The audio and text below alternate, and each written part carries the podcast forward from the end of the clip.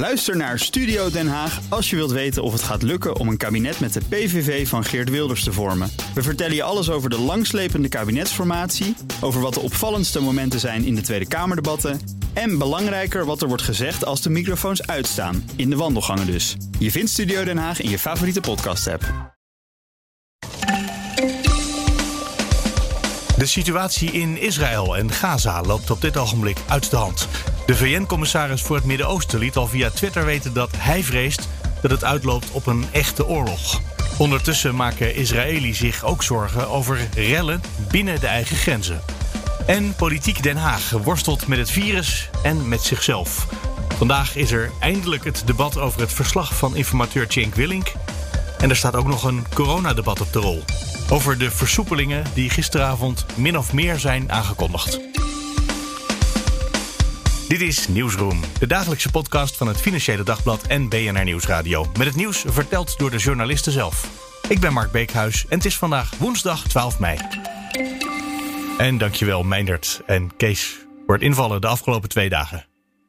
Hallo Bernard Hammelburg. Hallo Mark, goedemorgen. Van BNR Nieuwsradio. Um, we gaan het hebben over een conflict waarvan ik altijd al een beetje het idee heb dat het eigenlijk, eigenlijk een, geen conflict zou moeten zijn. Wat zeg ik, een conflict, een oorlog is het. Laten we er niet al te veel understatements van maken. En nu de laatste dagen tussen Israël en de Palestijnse bezette gebieden.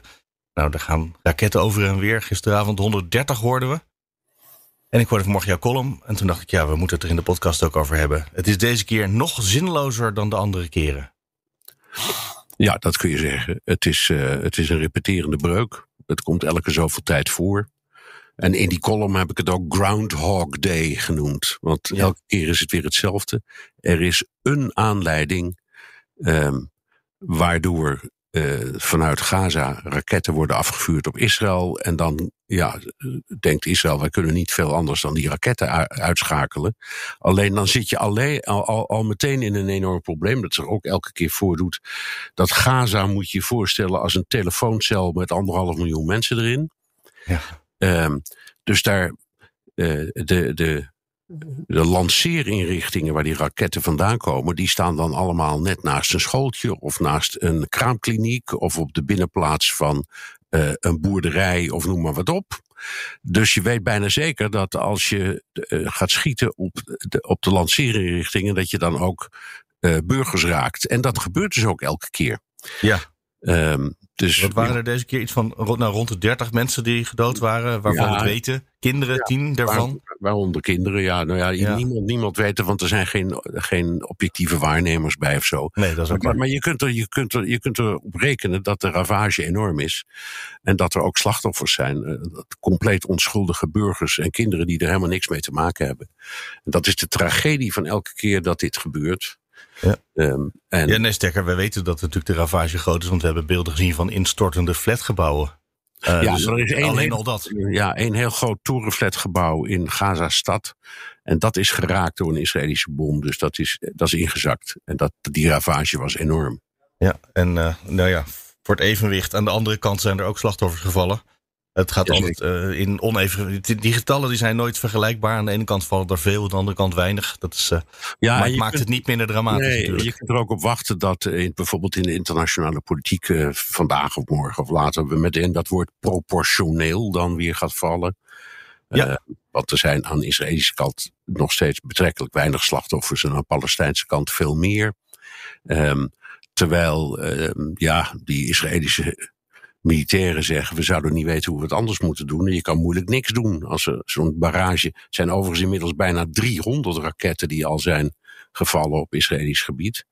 Dus ja, um, het, het, is nogmaals, het is een vicieuze cirkel en, en er is elke keer een aanleiding. Nu was dat een conflict over het eigendomsrecht van huizen in Oost-Jeruzalem. Maar het kan net iets, het kan van alles zijn.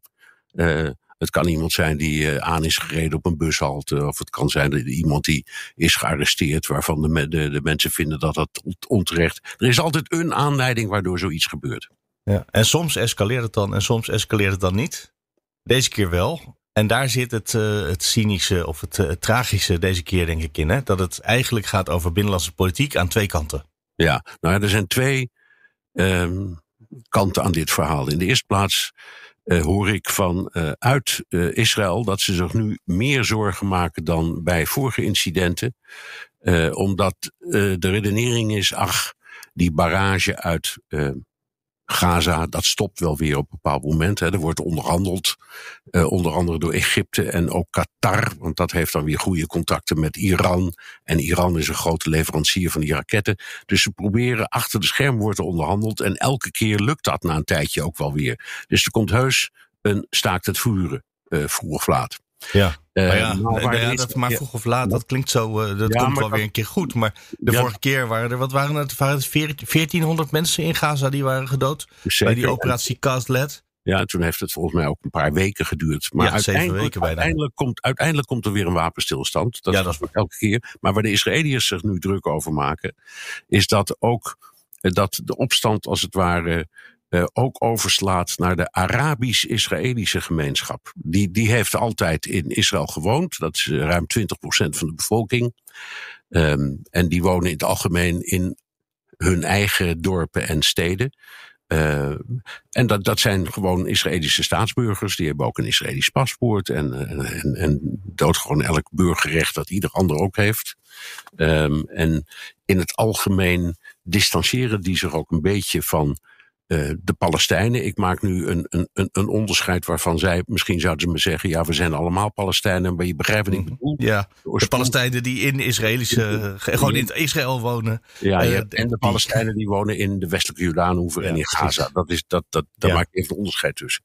Dus de zorg van de Israëliërs uh, is op dit moment de, de opstand die ook in Arabische dorpen in Israël zelf uitbreekt. Bijvoorbeeld in Loet, een, een, een, een bekend plaatsje midden, middenin uh, uh, Israël. Uh, eigenlijk, je zou kunnen zeggen, midden in de randstad.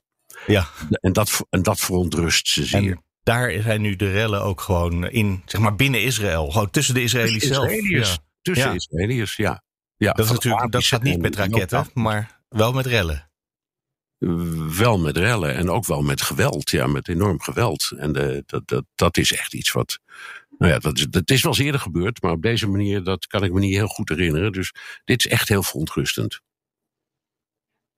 Doe ik ze tekort als ik zeg dat ze 50, 60, 70 jaar de tijd hebben gehad om het probleem echt op te lossen, maar dat er nooit de echte wil is geweest om het samen met uh, Israël en de mensen in de Palestijnen om het op te lossen. Dat het echt opgelost, nee, dat het dus echt opgelost was. En dat je dus als je dat niet doet, dat je dan vroeger of later niet alleen aan de grenzen oorlog moet voeren, maar ook rellen binnen je eigen land krijgt. Ja, nee hoor, je hebt helemaal gelijk. Um, het is, uh, ik formuleer het heel voorzichtig, omdat ik bang ben voor heel veel e-mailreacties. Ja, nou, maar kijk, dat, in dit onderwerp krijg je altijd boze luisteraars. Ja, dat is waar. Dus uh, of ze vinden dat je te pro-Palestijn bent of te pro-Israëli's. Maar dat zijn wij hier niet. Echt niet hoor. We proberen gewoon te analyseren wat hier nu aan de hand is. En ik vind dat je gelijk hebt. Toen de Zesdaagse Oorlog uh, was afgelopen in 1967. Toen zei iedereen dat was briljant. Dat was de kortste oorlog misschien uit de moderne geschiedenis. En mijn redenering is dat die, dat die nog steeds niet is afgelopen. Ja, precies. Uh, dat nog. is wat er aan de hand is. Dus die, die oorlog gaat gewoon door. En gelukkig zijn er hele lange gevechtspauzes. Dan gebeurt er een tijd niks. Maar um, uh, uh, nu uh, breekt hij dan weer op alle mogelijke manieren los. En de, de, de angel is er nooit uitgehaald, omdat ehm, alle pogingen om een, een oplossing te vinden met de Palestijnen, die mislukken al maar. Um, en daar, en dat vond Rus mij ook, daar zitten dan weer allerlei politieke motieven uh, achter. Je kunt het als volgt stellen. De Palestijnen zeggen, uh, wij kunnen met uh, Netanyahu of gelijkdenkenden eenvoudig niet overleggen, want die ziet de bezette gebieden als een onderdeel van de, de staat Israël.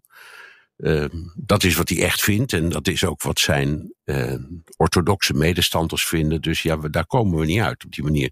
De Israëliërs zeggen, wie zijn nou precies die Palestijnen? Want je hebt Fatah, dat het voor het zeggen heeft in de westelijke Jordaanhoever. En Hamas, dat het voor het zeggen heeft in, um, de, in de Gazastrook. Dat zijn vijanden van elkaar. Um, en die praten niet eens met elkaar. Dus met wie wil je dat wij onderhandelen? Uh, bovendien, Fatah heeft in zijn doelstellingen de vernietiging van de staat Israël. Ja, dat, werd, dat werd op een goed moment ontkend, kan ik me nog herinneren. Of dat het uitgehaald was, of dat het niet meer... Nee, nee, nee, nee dat is niet zo. Dat is, dat is, nee? Aan, de, dat, nee, dat is aan de kant van Fatah gebeurd. Die, oh, dat, ja, dat dacht ik dat je dat zei. Oh, Hamas niet? Nee, Hamas heeft dat nog steeds in, in zijn vatel staan. Uh, en... Uh, en, en dat is het navrante van wat zich afspeelt. Er zitten natuurlijk ook enorme politieke componenten in dit hele verhaal. Uh, aan de Israëlische kant uh, een formatie die maar niet wil lukken. Uh, in dat coalitiesysteem. Er zijn nu al vier keer achter elkaar verkiezingen geweest. Ja. Uh, Netanyahu heeft een poging gedaan om een kabinet te vormen. Dat is mislukt. En nu is uh, zijn tegenstander, de, de liberaal Lapid, aan de beurt om het te proberen. En die gokte er enorm op dat hij een brede coalitie zou kunnen maken. Ook met de Israëlisch-Arabische partijen. Want die zitten ook in de Knesset, in het parlement.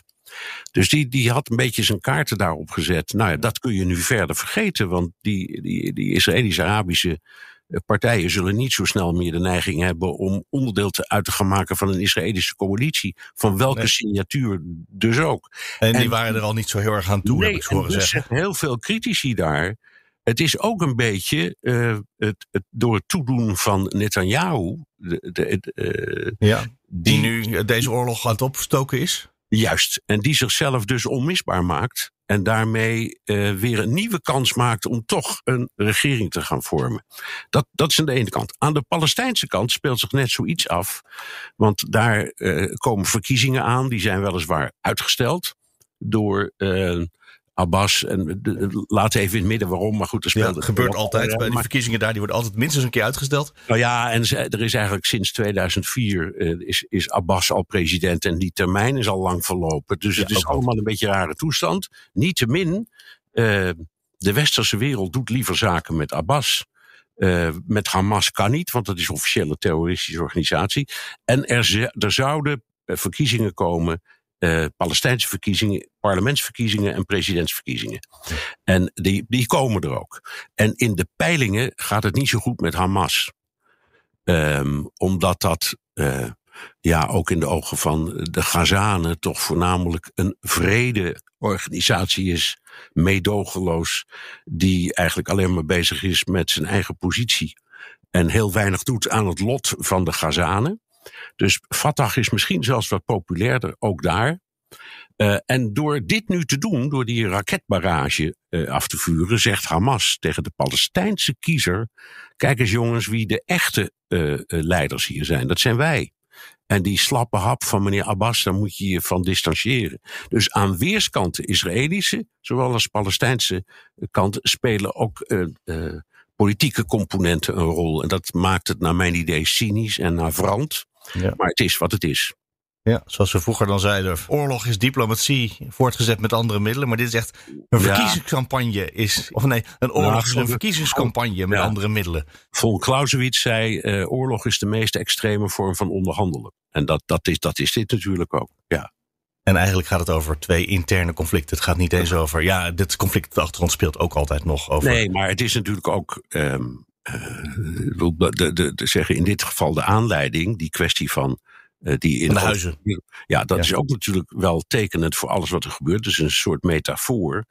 Omdat in, in uh, de Oslo-overeenkomst, die helaas niet meer werkt, daar was overeengekomen dat Oost-Jeruzalem, dat is dus niet de zogenaamde oude stad en de Tempelberg, maar het gebied dat ten oosten daarvan ligt. Ja, Daar gaat de vallei aan de oostkant van, het, uh, van die grote muur. En, en in, in dat verdrag was toen besloten dat als de staat Palestina zou ontstaan, dan zou dat gedeelte van Jeruzalem de hoofdstad worden.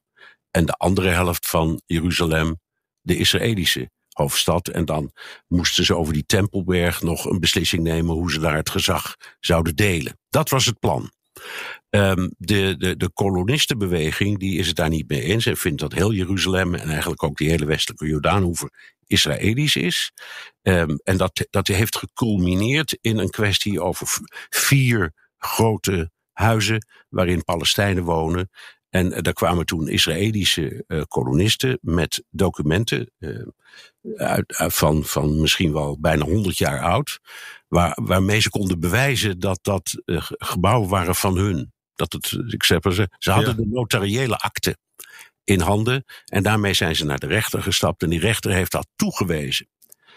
En wat er nu gebeurde is, dat daar, daar hebben de Palestijnen uh, hoge beroep tegen aangetekend. En dat zou uh, vanaf afgelopen maandag dienen voor het Israëlische Hoge Rechtshof. En dat hof dat is beroemd om zijn onafhankelijkheid. Dus die trekken zich helemaal nooit iets aan van politiek of rechts of links. Uh, dat is een uitstekend college. En dat is nu een maand uitgesteld. Dus de Palestijnen die zaten te wachten op, hoopten zij, gelijk krijgen voor, uh, door, bij de rechter. Die zaak is uitgesteld en daardoor is de vlam in de pan geslagen. Dus, de, en ook dit is een metafoor voor wat dat gebeurt. Want het is natuurlijk de hoogste tijd dat, dat, dat de Israëliërs en de Palestijnen nu eindelijk eens een deal maken over hoe dat land verdeeld wordt.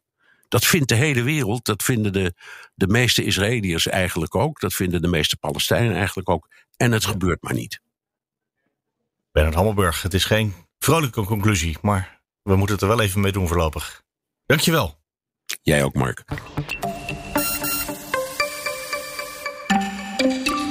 Hallo Thomas van Groningen. Mark, goedendag. Van BNR Nieuwsradio, politiek verslaggever. Uh, ja, we gaan het vooral nog even hebben over de persconferentie van gisteravond. Maar natuurlijk ook over wat er vandaag over ons uitgestort gaat worden. En, uh, officieel is het een debat over het eindverslag van de informateur Cenk Willink, hè? Ja, dat is het formeel, ja. Ik zie trouwens nu, as we speak, een tweetje van Sophie Hermans. Ze heeft een hele mooi geregisseerde foto. Zij is de tijdelijk uh, fractievoorzitter van de VVD. In de fractievoorzitterkamer van de VVD zit ze achter de tablet, laptop. Uh, zit ze te tikken en dan tweet ze een lange maar belangrijke dag vandaag in de Tweede Kamer. Nou, dat nou, bedoel ik. Ze is er klaar voor. Uh, maar, in, maar, formeel inderdaad gaat dus de Tweede Kamer eerst praten over het, het, het verslag dat hij heeft gestuurd naar de Kamer, wat daarin staat. En daarna moet er uh, gekeken worden naar wie dan de nieuwe informateur moet worden. Hoe dan nu verder met de formatie. Nou, de naam van Mariette Hamer wordt daar al voor genoemd. Gisteren, uh, collega Sophie heeft daar heel veel over rondgevraagd. Ik ook nog een beetje. En dan hoor je inderdaad wel dat bij de meeste partijen die naam wel landt als iemand die dit zou moeten kunnen. Um, en daar wordt dan vandaag in de Tweede Kamer over gesproken. Maar eigenlijk gaat het toch vooral over de radicale plannen. De, radicale plannen. Ik schiet er bijna bij de lach als ik het zeg. Van uh, onze minister-president. uh, nee, dat, dat zeg ik nu verkeerd. Van de VVD-voorman.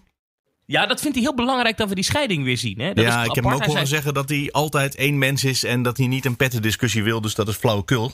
Ja, um, maar, want, want gisteren toen ik hem, dat is even een sidestep, maar toen ik hem gisteren in de persconferentie vroeg naar waar blijft nou dat corona-herstelplan waar u het over had uh, uh, bij, tijdens, bij de verkiezingen. Hè? Want ondernemers vragen erom, waar blijft het? Toen zei hij, ja, u spreekt mij nu aan als, als lijsttrekker van de VVD en ik sta hier nu als demissionair premier. Ja. Uh, toen dacht ik, nou, ja, hij maar, gebruikt het handig. Laten we het uh, ja, op die manier subtiel zeggen. Uh, maar inderdaad, daar, daar zal het over gaan. Ook nog over dat interview bij, bij Nieuwsuur. Kijk, we hebben gezien ehm, dat een aantal partijen, ehm, bijvoorbeeld de Partij van de Arbeid, moet echt nog overtuigd worden om weer in een bootje te stappen met Mark Rutte. Um, het ging bijvoorbeeld over. Uh, ik kan me nog een mooie quote herinneren dat Lilianne Ploemen van de Partij van de Arbeid naar buiten kwam bij het gesprek met Cenk Willink. En toen vroeg de pers naar, is het vertrouwen al hersteld?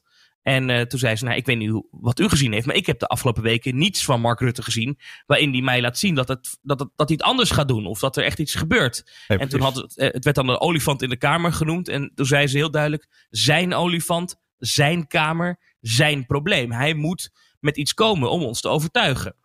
Uh, dat was toen Lilianne Ploemen. En als we dan nu kijken, nou ja, hij heeft in, in die tijd daartussen heel vaak gezegd: Ik heb ideeën over hoe het anders moet, hoe ik het anders kan doen. Ja, en wacht u maar. maar. Die radicale ja, plannen die komen wel. Die gaat u van mij horen. Nou ja, ik, ik durf de conclusie wel aan dat we die maandag eigenlijk niet gehoord hebben. Uh, want als je nou gisteren ook de sfeer proefde in de Tweede Kamer, dan dat, waren er eigenlijk geen partijen die zeiden dat ze van hun sokken weggeblazen waren. Uh, de enige die dat zei was Ankie Broekers-Knol, een VVD-staatssecretaris. Die zei nou, het was best wel vernieuwend waar Rutte mee kwam. Maar eigenlijk alle andere partijen, ja, die vonden het magertjes. Die vonden het een opvallend tv-optreden. Um, die vonden het niet goed. En -huh. um, daar zal in dit debat vandaag, hoewel dat formeel natuurlijk niet op de agenda staat, ja, zal dat zeker wel geagendeerd gaan worden nou, door oppositiepartijen. In zekere zin staat het wel op de agenda, toch? Want het gaat over hoe de formatie verder moet. En de vraag is dan, kan dat met uh, Mark Rutte of kan dat niet uh, met Mark Rutte? Kan dat uh, met de VVD of kan dat niet met de VVD? Ja, dat, dat, dat, dat, wordt, dat wordt de. Dat is nog steeds de vraag die boven de markt hangt. Nou ja, kan het met de VVD of niet met de VVD? Dat is dan, kan het met de VVD die Mark Rutte naar voren schuift als premier? Ja, precies. Want dat is eigenlijk de, de vraag. Maar dat is wat de VVD op het ogenblik doet. Die twee zijn uh, één op één aan elkaar uh, verbonden. Ja. Dus je kan natuurlijk zeggen, nou, het zou op zich met de VVD kunnen, maar niet met Mark Rutte. Maar ja, dan moet de VVD ook iets schuiven. Ja, dan zou daar iemand anders naar voren geschoven moeten worden. Dat was natuurlijk Frans Wijsglas, VVD-corrivé kunnen we wel zeggen, die dat voorstelde afgelopen weken op BNR. Die zei, je moet, uh, eigenlijk zou Rutte dan, net als de andere leiders trouwens van de partijen die meedoen in de coalitie, zou in de Kamer moeten blijven. En andere mensen moeten ja. aanwijzen die dan de premier en de ministers gaan worden. Ja. Alle politieke leiders in de Tweede Kamer. Ja, dat is wat hij uh, voorstelde. Ja, kan. Zou maar zomaar kunnen. Het zal vandaag ongetwijfeld een keer door iemand genoemd worden. En het wordt wat dat betreft een interessant debat. Um, en ik ben ook wel benieuwd tussendoor uh, hoe ze het agenda technisch gaan doen. Want er moet ook nog een coronadebat zijn vandaag. Dus het is nogal een. Uh, het is nogal een. een, een het zijn allebei dingen die in de grote zaal moeten, hè? In de, ja, want het, het, het debat, het debat over het eindverslag van de informateur is van kwart over tien tot kwart over drie. En dan het coronadebat staat vanaf half vier tot elf op de planning. Nou, gaan we ja. staan. Hebben ze toch nog een kwartiertje tussendoor even ruis, uh, ruimte? Ja, er zal ook wel een schorsing en een lunchpauze en een dinerpauze worden ingelast. Maar uh, wat dat betreft, ik ga zo eens rustig naar de Tweede Kamer. Uh, ik, ben, ik, ik, ik, bereid me voor op een lange dag. Ik doe een paar snelle jelles in de tas, denk ik. ja, precies. Nou, er is toch wel iets van een kantine nog in Den Haag? Of is dat helemaal dicht nu?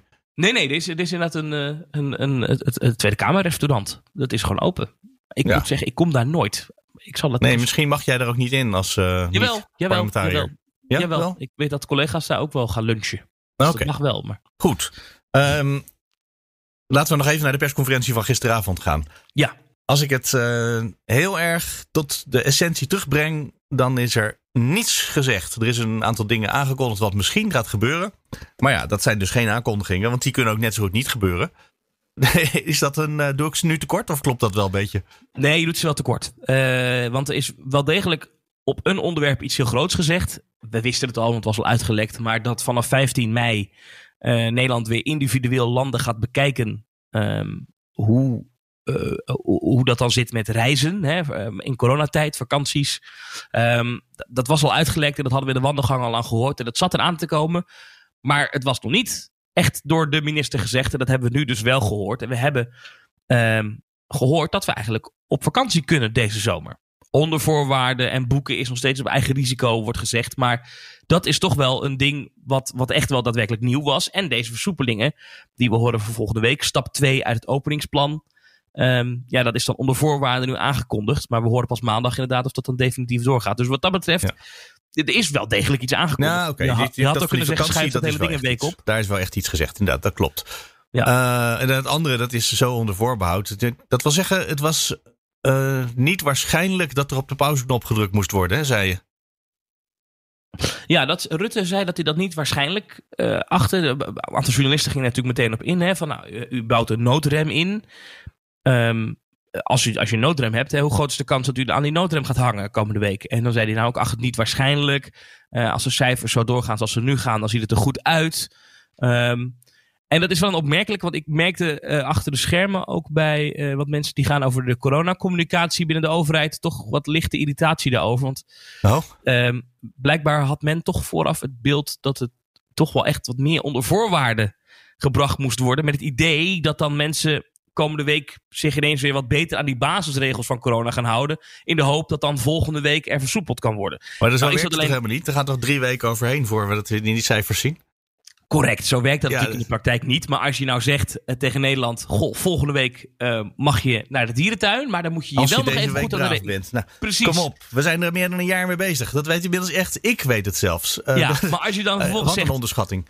Als je dan vervolgens zegt, we gaan volgende week, mag je naar de dierentuin als de cijfers goed zijn. En daarna zeg je erbij, maar die cijfers zullen vast wel goed zijn. Want dat is eigenlijk wat hij zei. Ja, ja dat, ik, ik merkte, ik begreep in ieder geval uh, achter de schermen dat daar wel wat irritatie over was. Van ja, nou hebben we eigenlijk, onder, we hebben eigenlijk helemaal geen voorwaarden gesteld op deze manier. En het OMT, um, denkt daar toch anders over. Hè? Want als je het Outbreak Management Team, hè, die virologen, die Jaap van Dissels van deze wereld, ehm, die zeggen juist dat je terughoudend moet zijn met die versoepelingen. Ja. Ehm, eh, zij zeggen namelijk, als je nu versoepelt, dat is eenvoudig. Maar het terugdraaien daarvan, eh, en ik citeer dan even, in het geval van tegenvallende epidemiologische ontwikkelingen, zal wel haast onmogelijk zijn. Het te snel versoepelen kan ook het perspectief op een zomerperiode met minder maatregelen teniet doen. Want zij Hm. zeggen, als je nu te snel versoepelt, dan gaat alles weer langer duren. En dan kan het zomaar zijn dat het dus niet lukt om vanaf half juli bepaalde maatregelen op te heffen. Ja, ik hoorde Hugo de Jonge zeggen dat we niet moesten versloffen. Maar ik, ja, ik heb de afgelopen dagen veel in het openbaar vervoer gezeten. Eh, daar zijn de versoepelingen echt al in de praktijk doorgevoerd hoor. Eh, met mondkapjes die of onder de kin of eh, wel in de hand, maar niet voor. Of onder de neus, maar niet over de neus. Dat is echt, het is weer net als pak een beetje een jaar geleden. Daar is iedereen begonnen met, met het einde. Ja. Wat, waar, waar het mij opvalt, ehm, maar dat is puur in mijn omgeving. Ik woon in een binnenstad, eh, een winkelgebied. Mijn parkeergarage is vol, regelmatig. Dat, heb ik echt al, nou, dat heb ik sinds corona niet meer gezien. En het viel mij ook op, de parkeergarage bij de Tweede Kamer gisteren. eh, dat is onder het plein. Eh, daar zit ook allemaal horeca op hè, met terrasjes. Voor het eerst, ook daar heel veel auto's. Terwijl ik daar ook wel eens een keer als enige auto binnen stond, bij wijze van spreken. En nu ook daar, en ook dagjes mensen en toeristen. En eh, dat ik dacht, oh, nou ja, leuk. Ik bedoel, eh, ik gun deze dagje uit. Gezellig. Maar dat is toch, ja, maar dat is toch wel echt een verschil met een paar weken geleden. Dus Ja. ik ben wel benieuwd hoe dat dan uitpakt. Maar goed, eh, vooralsnog klopt het wel dat de ziekenhuisbezetting daalt. Ehm, die druk is nog steeds on- onnodig hoog, hè? want daar hoor je ook van deskundigen in de zorg te zeggen: het is hartstikke hoog en we kunnen het bijna niet meer aan. Maar het loopt terug. En ja, het OMT heeft destijds gezegd: stap 2 in het openingsplan kan je doen als er 20% daling in het weekgemiddelde zit. Ehm, nou ja, de verwachting is dat als de cijfers zo doorgaan zoals nu, dat dat maandag wel gehaald is, die 20%. En dan Ja. kan je dus stap 2 zetten. Dan kunnen we de noodrem eraf halen. Juist. Ja, ik durf nu bijna niet meer te vragen. Wat denk je dat er gaat gebeuren? Nee, dat ga ik sowieso niet vragen. Nou, wat ik, wat ik dus denk. Ehm, en dat, dat is denk ik het lastige aan zo'n noodrem in het leven roepen. Is dat je komende week. eh, want wij weten allebei hoe de media werkt, eh, werken, Ja. eh, Mark. Is dat we gaan, we gaan overal aan de talkshowtafels en in radioprogramma's. gaan we virologen zien. Die gaan zeggen dat die noodrem dat er aangetrokken moet worden. Dat het te vroeg is, dat het nog niet kan. En dan Ja. wordt het kabinet maandag dat dus toch bekendgemaakt dat ze het wel gaan doen. Of niet. Maar da- en dan komt daar weer discussie over. Eigenlijk hebben ze de discussie nu gewoon over een hele week uitgesmeerd. En misschien is dat qua communicatie dan nog wel een handige strategie. Dat we het er de hele week weer over hebben met z'n allen. Waardoor het weer een beetje in ons collectieve eh, brein terechtkomt. Nou, dat zou kunnen. Dat zou kunnen. Dat zou, een genia nou, ik, dat zou echt een geniale stap zijn als het op die manier bedacht is. Terwijl voor de rest zien we, nou je zei net zelf al, er was wat frustratie over eh, hoe Mark Rutte de, de pauzeknop eh, meteen weer de- uit elkaar haalde terwijl hij hem op tafel legde. Eh, van de week was er natuurlijk ook dat interview bij Nieuwsuur, wat een beetje raar, ja, waar, waar iedereen zich afvraagt, wat probeerde de man daar nou in hemelsnaam te doen? Anders dan te zeggen, hallo, ik ben nog vier jaar jullie eh, minister-president, echt waar, wend er maar aan. Ehm, hij lijkt de laatste, de, laatste weken het vingerspitsengevoel eh, een beetje onder een dikke laag eelt of zo kwijtgeraakt te zijn. Ja, dat zou kunnen. Ik zit daar even te kijken. Ik heb hier de letterlijke tekst van de persconferentie voor me. Eh, het is inderdaad, hij gebruikt het woord pauzeknop. En jij gebruikt hem nu ook. Eh, ja, ik, ik heb het natuurlijk over noodrem. Maar inderdaad, Ja? het woord pauzeknop. Ik zoek even. Die komt, dat heeft hij zes keer gebruikt, dat woord. Rutte. In. ehm, nee, vijf keer. Eén keer is van een, eh, van een journalist. Nee, dat woord is vijf keer gebruikt in de persconferentie. Ja. Leuk. Je, je kan dus die, als je die letterlijke teksten hebt, die uitgeschreven teksten, dan kan je altijd zoeken hoe vaak een bepaald woord gevallen is. Maar dat is interessant. Ehm, want eh, pauzeknop, dat klinkt toch iets zachter dan noodrem. Zeker. En dat, is een, eh, dat woord is wel, eh, daar is over nagedacht door de afdeling communicatie, denk ik. En daar, daar zullen ze heel blij mee zijn dat hij dat gebruikt heeft. Het woord noodrem is niet één keer gevallen. Het woord ziekenhuis zes keer, ziekenhuizen tien keer. Er was nog een andere gedachte die door mijn hoofd schoot. Dat dit weer de eerste keer was dat de minister-president. Maar ja, hij stond er, ja, hij stond er in die rol. eh, dat hij weer opgewekt was sinds vlak voor de verkiezingen. Toen dacht ik. Maar dat is een cynische gedachte die ik je misschien op vrijdag pas ga voorleggen. Dat is waarschijnlijk verstandiger. Ehm, is hij gewoon nu weer even campagne aan het voeren met ons? Het moest weer even wat opgewekter. Ja, laten we het daar vrijdag over hebben in plaats van. Ja, en uh, het is ook niet helemaal waar natuurlijk, want die coronapersconferentie is natuurlijk wel ver van tevoren gepland. Uh, maar de toon van die conferenties, die kan natuurlijk. Hij kan zeggen, dames en heren, uh, de komende weken moeten we echt nog even zorgvuldig zijn voor we misschien volgende week kunnen gaan versoepelen. Of hij kan zeggen, dames en heren, we gaan volgende week versoepelen. Tenzij we op de pauzeknop moeten drukken.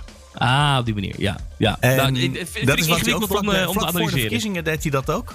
Uh, ja. misschien, nou, we hebben het er nu toch al bijna over, maar dat ga, ik ga ons nu proberen in te houden. Ik, ik laat die even voor jou en dan gaan we daar vrijdag verder over denken. Precies, in Nieuwsroom Den Haag. Thomas van Groningen voor nu, dankjewel. Graag gedaan. En Nieuwsroom Den Haag, dat is de volgende aflevering van Nieuwsroom. Want morgen is het weliswaar donderdag, maar dan hebben we vrij vanwege Hemelvaartsdag. Je kan altijd reageren. Mail naar nieuwsroom.bnr.nl of nieuwsroom.fd.nl. Maak er morgen een mooie dag van en tot vrijdag.